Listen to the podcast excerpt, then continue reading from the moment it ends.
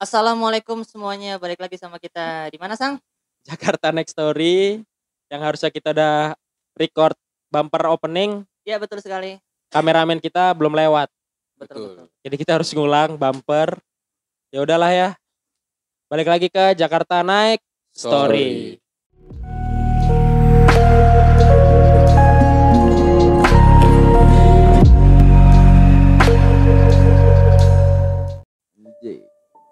Oke. Kayak lemes banget sih kita. Ayo dong semangat dikit dong.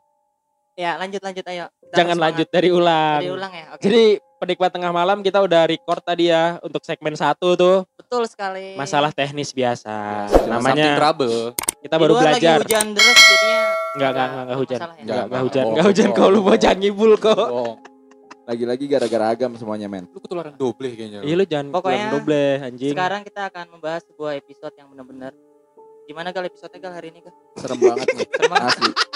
banget tuh ya. Lu kenapa ketawa? Ini gue yakin buat kalian yang kayak emang penakut gitu-gitu tuh kayak denger cerita kita malam hari ini tuh langsung pada ih ih gitu-gitu nih pasti. Langsung kayak langsung balik ke dalam Sedih remote. Kita lagi syuting episode kelima Iya. untuk bahas eh, Pembunuhan dan kanibalisme. kanibalisme. Kanibalisme lah. Jadi kan kita tahu dulu di tahun 2000-an lah ada sempat kasus yang sangat booming kan di Indonesia yaitu si kasus Sumanto itu Sumanto. tadi kan. Yang dia membunuh dan memutilasi korbannya tuh. Heeh. Yang katanya untuk keperluan mendapatkan ilmu-ilmu gitulah. Kesenangan- pribadi sih lebih tepatnya. Ilmu-ilmu, ilmu hitam. Iya, Ilmu-ilmu. Ilmu hitam gal. Sorry sorry guys. Ya sih. Sotoy banget anjing kali najis. Nah, Lanjut. terus eh apa namanya? eh jadi berangkat dari situ kita kenapa nggak kita coba cari eh, kulik ya kasus-kasus kanibalisme yang menurut kita unik dari seluruh penjuru dunia. Ada juga sih yang nanti dari Indonesia selain Sumanto tadi. Jadi dari situ oke kita bahas kanibalisme lah. Siapa nih yang eh, mungkin pertama udah ada yang punya cerita nih mungkin dari bisa dari Jiko dulu kali ya. Dari pojok sih oke. Tadi pojok. Dari pojok lagi nih ya? iya, siap. iya. Dari Ziko nih ya. Biar kelihatan natural kayak tadi kok. Oke. oke. Padahal Dari Padahal kita udah take. Ziko ulang. Nih ya. Udah mau kelar tadi. Iya. Boleh boleh giliran gue ngomong gak? Oh iya, iya maaf maaf. Oke, Oke, dengerin dengerin dengerin. Enggak sih, pokoknya ini gue mau ngebahas sebuah cerita yang Hmm. berasal dari negeri Pamansang. Oh. Dari mana tuh gal Pamansang? Gal? Kanada. Amerika. Oke, bagus gal. Di Uncle Sam nih. ya. pokoknya terus, di cerita ini tokoh utamanya bernama Jeffrey Lionel Dahmer. Kita panggil aja Jeffrey. Ganteng gak dia? Oke, ha. Gue nggak tahu gal kalau itu gal. Bisa lu browsing aja ya gal. Mm-mm. Terus apa yang dilakukan sama si Jeffrey Dahmer ini? Jeffrey ini adalah seorang sosok periang tapi memiliki sifat psikopat dari umur 8 tahun. Ya, biasanya emang kalau orang yang psikopat itu dia punya punya apa ya sifat untuk menutupi Iya, psikopatannya itu ya biasanya biasanya terus terus Tapi di umurnya Jeffrey ini tuh umur 8 tahun dia udah hobi ngumpulin bangke-bangke hewan mati, cuy. Jadi Kayak dia sejak rumahnya, kecil tuh cuy. udah punya kebiasaan aneh ya. Iya, Hmm. Itu diawetin apa gimana tuh? dipotong-potong gal, dimutilasi. Waduh. bangke-bangke hewan cacing Iya. gitu-gitu. Enggak, enggak bukan cacing. Cacing terlalu kecil ya. Burung, burung, burung Oh. tupai, burung Burung. tupai, Burung tupai itu kayak apaan? burung, burung dan tupai. Oh, gua kira Oh. burung. sorry, sorry. Gue tadi ngomong gak Fokus kok, Eko, Eko. Gua. Kita udah take berkali-kali nih kok. Oke, terus terus. Setelah itu dia beranjak dewasa ya. Eh beranjak remaja dulu. Gue jadi ngeblank nih. Tenang, tenang. Tenang, fokus, oke? fokus. Jadi si Fokus. Damer dari umur 8 Gara-gara tahun. tadi nih masalahnya Oke, nih cuy. slow, Aduh. slow, slow. Jadi si Dahmer dari umur 8 tahun suka mutilasiin bangke, Bangke. burung dan tupai. Iya. Ah. Setelah dia beranjak remaja, beranjak remaja, dia mulai ada sifat yang lebih ekstrim lagi. ekstrim lagi. Dia Saat ngapain kondisi tuh? rumahnya kosong, Hmm, ditinggalin sama orang tuanya itu dia hmm. tiba-tiba manggil pesepeda yang lewat depan rumahnya dia. Namanya nama pesepeda itu kalau nggak salah Stephen Hicks. Itu tet- tetangga, kerabat, apa teman? Orang, Orang yang nggak dikenal men. randomnya gitu loh depan Random dia rumahnya. langsung. Dia panggil tuh, "Weh." Dipanggil, Gitu, terus ngapain? dipanggil, diajakin kenalan, terus Hmm. diajakin buat ngebir di rumahnya. Wih, anak-anak ngebir nih.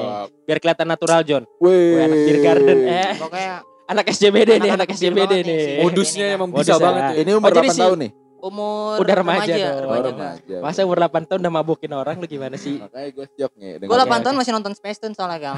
Gak tau tau yang kayak Oh gitu. ya ada jokes itu tadi, oke. Rollback terus. Pokoknya Terus, ini terus. udah udah kayak gitu saat masuk ke dalam rumahnya Nah, langsung dieksekusi sama si Jeffrey ini. di eh sorry si Jeffrey ini kan seorang apa? pria. Pria. Si siapa tadi Henry Si Stephen Hicks itu Stephen Stephen Hicks ini pria juga. Oh di di eksekusinya tuh Di dia apa? eksekusinya itu pokoknya pas lagi masuk ke dalam rumah langsung Hmm. dihantam kepalanya, dipukul. Oh bukan di berkali-kali. di- Bukan, itu nanti. Oh, oke Itu oke terus cerita terus nanti. ya terus terus tuh tanpa ragu-ragu tuh. di- Langsung tanpa dipukul. ragu-ragu, men. Hah, terus dipukul pokoknya dipukul, dihantam sampai mati, dimutilasi, ditaruh bangkainya di belakang rumahnya. hmm, hmm, Coba hmm. itu dia. Oke, terus terus um, um, motifnya dia bunuh si Henry apa? Enggak ada, cuma Gak ada, kesenangan random aja. aja kesenangannya dia. Wah, anjing Nah iseng-iseng. setelah itu beranjak 9 tahun dari kejadian yang pertama, Hah? dia itu sempat tinggal di rumah neneknya. Dan di rumah neneknya itu juga dia memiliki sifat keanehan. Dia Hmm, kalau nggak salah ngumpulin bangke, tupai, hmm. dan disimpan di bawah apa namanya ruang bawah tanah gitu ya kalau di luar negeri ada kan ya. Ha, ha, ha. Udah kayak gitu Gudang, diawetin, dimasukin cairan kimia gitu sampai tercium bau bangkai dan akhirnya dia diusir dari rumah neneknya. Jadi dia di rumah neneknya. Heeh.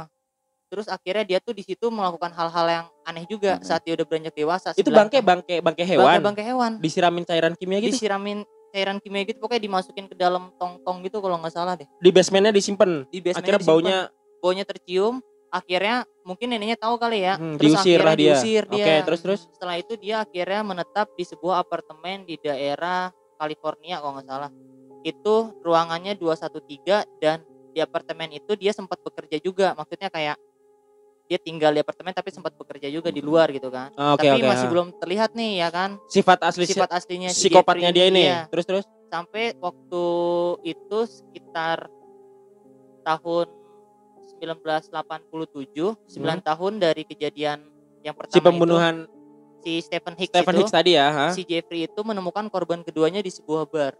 Lagi-lagi nih, Lagi-lagi. barnya nih. Lagi dan lagi. Barnya Wah. di Cikini apa di SCBD? Pokoknya barnya daerah Oh. luar negeri gue nggak tahu yang Cikini itu gue nggak tahu Saya nggak kira dia bocah jaksel. Oke, siap. Tapi siap, dia siap. kenal agam tuh pasti. Oh pasti. Pastilah kalau agam, Agam. Kan agam kerjanya juga mab- ya udahlah, Oh, oke iya. nggak Lanjut, boleh lanjut ya. teman Sama sendiri nggak sama. boleh. Nah pas udah ketemu di bar ini namanya itu Stephen Tommy dan orang ini diajakin ke apartemennya cuy.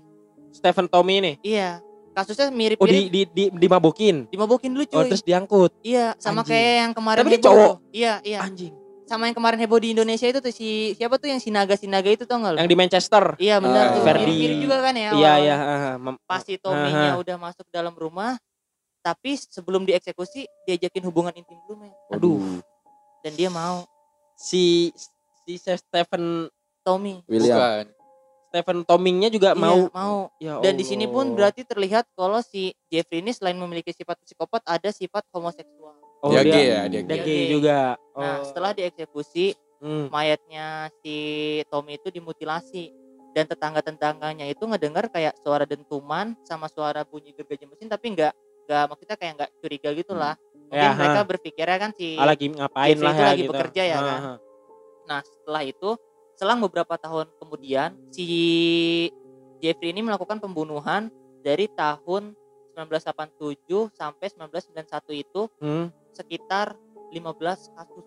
15 kali Waduh. pembunuhan. Iya, totalnya tuh dia di persidangan terkena 17 kasus, tapi kasus yang terakhir itu Hmm. atas nama Edward yang gue tahu, Hah? itu si Edward ini berhasil kabur saat mau dieksekusi, tapi metodenya sama sama Jeffrey dimabokin dulu. Dimabokin Jadi dulu, semua ya korbannya kan? itu metodenya gitu Pasti dimabokin dulu dimabokin, ya kan?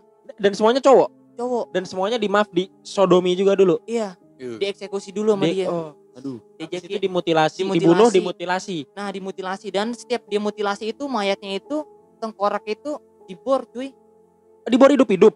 pas sudah mati. Itu buat apaan tuh kok? pokoknya keterangan yang gue baca itu si Jeffrey ini dia memiliki apa namanya kayak imajinasi bahwa dia bisa menghidupkan Orang yang udah orang-orang yang udah dia bunuh dan dia bereksperimen bahwa kalau orang-orang itu dianggap seperti zombie tuh nggak? Jadi Hmm. habis dibor, dimasukin cairan kimia, terus difoto, disimpan di lemari kulkas. Nah, terus terus terus kanibalismenya di mana dia? Nah, saat dia sudah mengeksekusi, kadang beberapa mayatnya itu dimakan sama dia. Iya. beberapa bagiannya tuh dimakan sama dia Oh di sini bagian kanibalisme. Oh iya, Iya. iya. Jadi udah udah udah dimaboki. Gua bukan udah maksudnya gue mau nge-recap cerita lu bukan udah.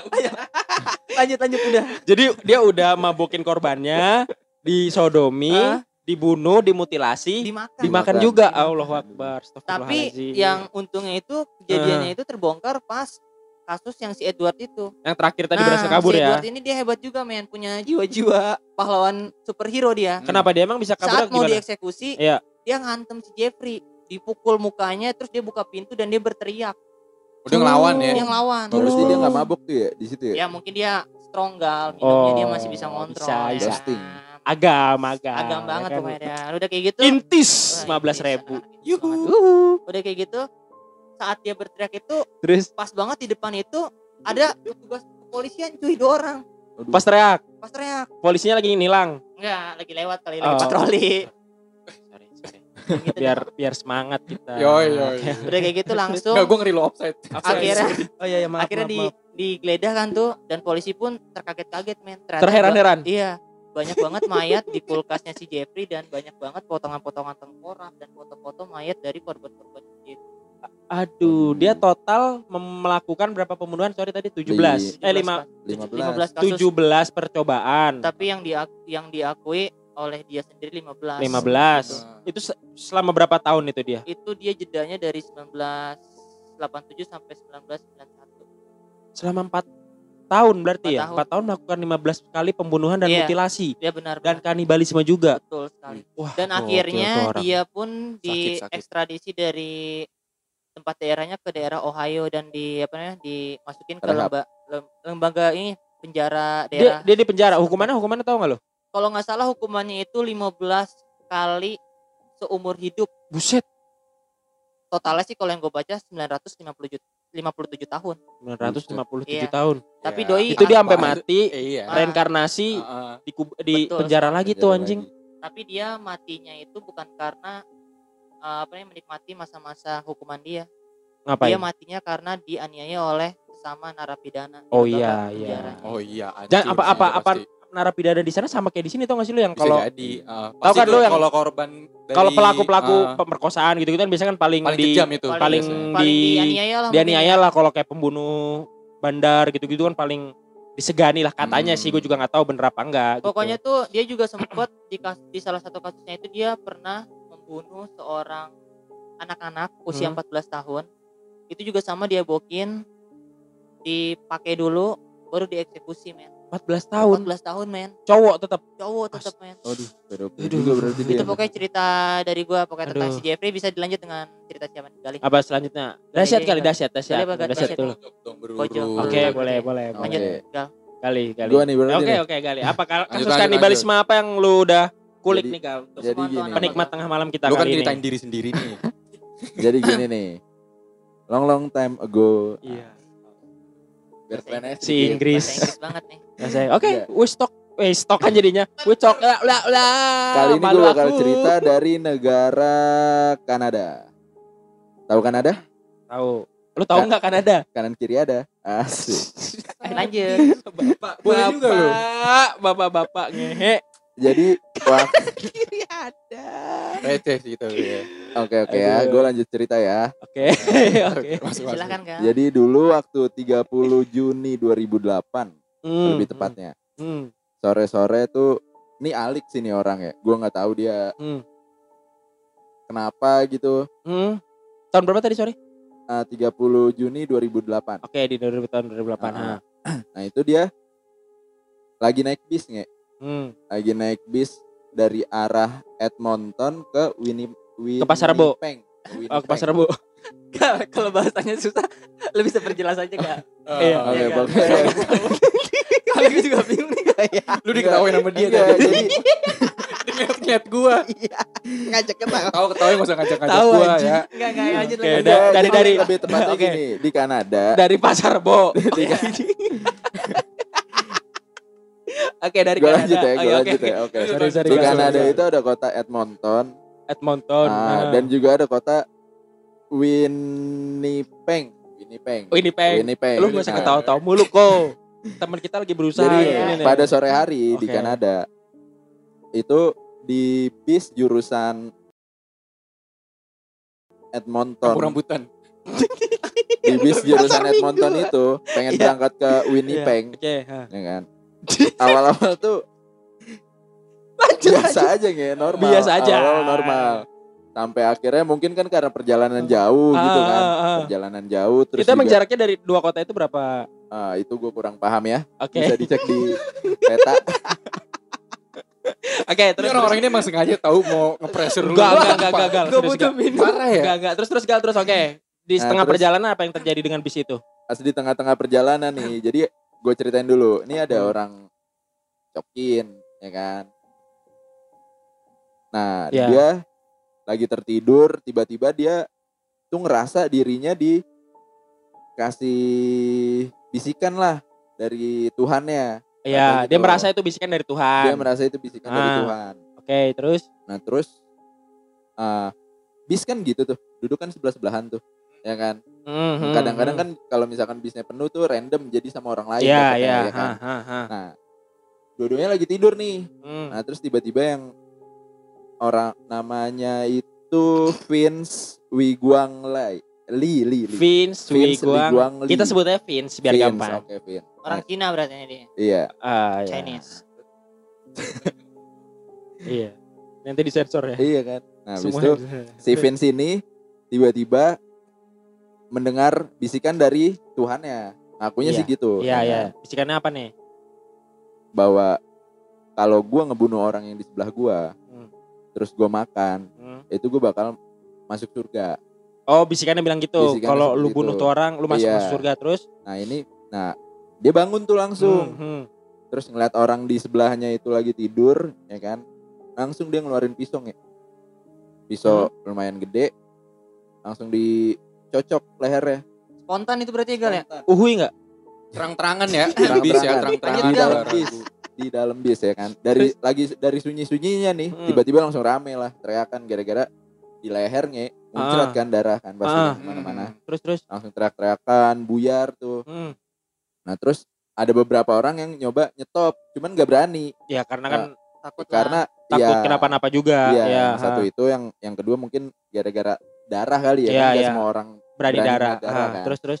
habis lehernya dicocok langsung dadanya yang ditusuk Oh, nge. ganti ya. Ah, gantian Ah, terus. gantian. Nah, habis itu setelah dipastikan mati nih orang Hmm, hmm. langsung dipotong-potong organ tem- di Itu tempat di juga. bis? di bis. Lagi di jalan apa udah bis, berhenti lagi bisnya? Jalan. Langsung saat itu cuy. juga Iya, berarti. Tapi tetap saat- jalan bisnya. Iya, jadi cepet gitu Oh, terus terus terus. Dia bangun tidur, ngelihat sebelahnya masih tidur, Ditusuk, pisau. tusuk. tusuk leher, tusuk dada, ya kan? Terus langsung dipotong tuh. Hmm. Udah ricu deh di dalam padahal bis. banyak orang di situ ya. Banyak orang padahal. Banyak penumpang Itu bis anjing. eh, kurang lebih full sih. Berapa orang di situ? Gak, gak tahu. Jangan sate-satean full Bentar, lu. bentar. Tadi lo bilang dia naik bis mau dari mana mau ke mana?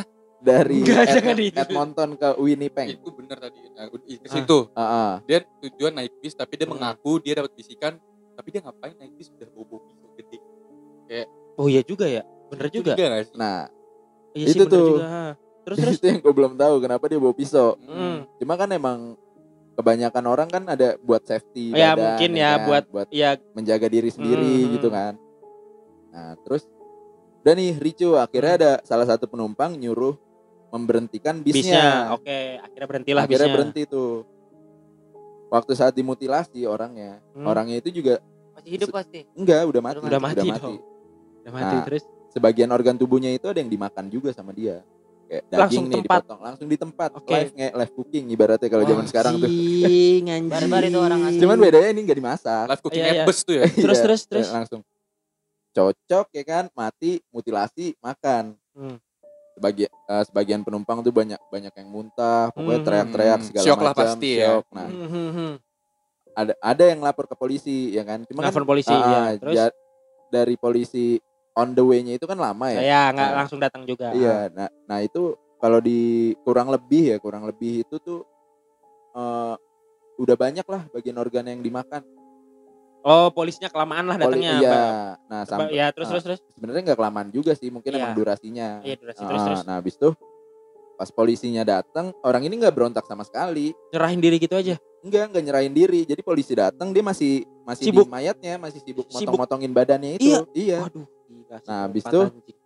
ditarik sama polisi kan, Hmm, diamanin, diborgol segala macam, dibawa ke kantor polisi. Hmm. ya kan. Pas dibawa ke kantor polisi digeledah tuh di kantongnya dia dia nyimpen lidah, Aduh, nyimpen kuping, hidung, Sakit. aduh sakit. Beberapa jari. Sakit. di kantongnya dia. Terus itu dari simpan. tubuh korban Dari yang tubuh korban yang di- korban yang di Kalau nggak salah nama korbannya itu tim tim siapa gitu. Iya, pokoknya ada tim lah ya, orang Kanada ya kan. terus Ya udah akhirnya diinterogasi segala macam, dikulik sama ke keluarganya. Hmm. Ternyata dia itu mengidap penyakit skizofe skizofrenia. Iya. skizofrenia. Itu penyakit Iya. apa enggak? Itu jiwa semacam nggak kayak ya Gangguan jiwa Ah, itu. Iya, gangguan jiwa tapi dia Oh. lebih memiliki imajinasi gitu. Oh, Suka berhalu, iya ya. iya iya. Berhalu. Halu halu halu. Iya, halu, Halu halu. Terus terus. Heeh. Tapi akhirnya dia dapat hukumannya gimana? Dapat hukuman? Akhirnya dia dapat hukuman tetap di Hmm. penjara, cuman gara-gara pas diketahui dia valid kena Iya penyakit tadi seperti ya itu, penyakit jiwa tadi. ah, penyakit jiwa tadi dia akhirnya di Masukinnya ke rumah sakit jiwa bukan sih kalau kayak Oh gitu iya, gitu? dimasukin di Bukan rehab di ya direhab dulu selama tujuh tahun. Oh di terus baru Nah, habis dimasukin baru ke dimasukin penjara. penjara. Ah, ah. Hukumannya totalnya nggak tahu loh berapa? Totalnya sih nggak nggak dikasih tahu ya. Oh pokoknya Ah. setelah tujuh tahun masa di rumah sakit jiwanya itu dia dipindahkan ke Dipindahkan ke Oh oke gitu gitu. penjara langsung. Tapi unik juga ya maksud gue biasanya kan kalau pelaku mutilasi terus juga kanibalisme yang sampai gitu-gitu biasanya kan lakuinnya kan diem-diem kan, Iya. silent. Hmm. terus kayak menutupi jati dirinya dia kan Nah, nyaru, nyaru Nyaru. ibaratnya kan ini tapi terang-terangan Kali ini enggak terang-terangan. Spontan banget ya. Nggak peduli Nah, diliatin orang nah, gitu terus loh. begitu. Begitu ditangkap, Hmm? dia tuh sering banget ngomong ke bisikin ke kepala eh ke kuping polisinya tuh Hmm. kayak bunuh gua aja, bunuh gua aja gitu. Oh iya. Jadi iya. dia tuh menceritakan bahwa dia mendapatkan bisikan dari Tuhannya, Heeh. dia disuruh ngebunuh orang sebelahnya, dia makan dan dia harus mati, langsung dia masuk surga. Oh. Jadi dia pengen banget Iya, mati iya, nih, pengen pengen, banget biar dibunuh surga biar ya. dia masuk surga. ya namanya kalau penyakit jiwa susah juga ya. Iya. Pokoknya hati-hati deh. Buat Sekarang hati-hati di sebelah bis ya. Mm-mm. jangan Ngeri. naik bis. Eh lu gak boleh gitu lu. Enggak enggak gue bercanda. Rusak bisnis orang nih. Tahu Lu kacau juga lu. Prima jasa bego lu kita. Eh Enggak, enggak. maksud gue di Kanada nih. Oh iya, Di bis Kanada. jangan- Iya, Di sini mah bisa di aman-aman sini ya. mah aman. Oh, parah. Aman di sini nggak boleh bawa senjata tajam anjing. banget. Kalau Kacau lu tuh. John, mungkin ada cerita kanibalisme yang menurut lu menarik John. Ada ada. Kali ini gue bakal bercerita dari Jerman. Wih, Jerman. di- Jerman. Jauh nih negara nih kayaknya. Dekat Polandia.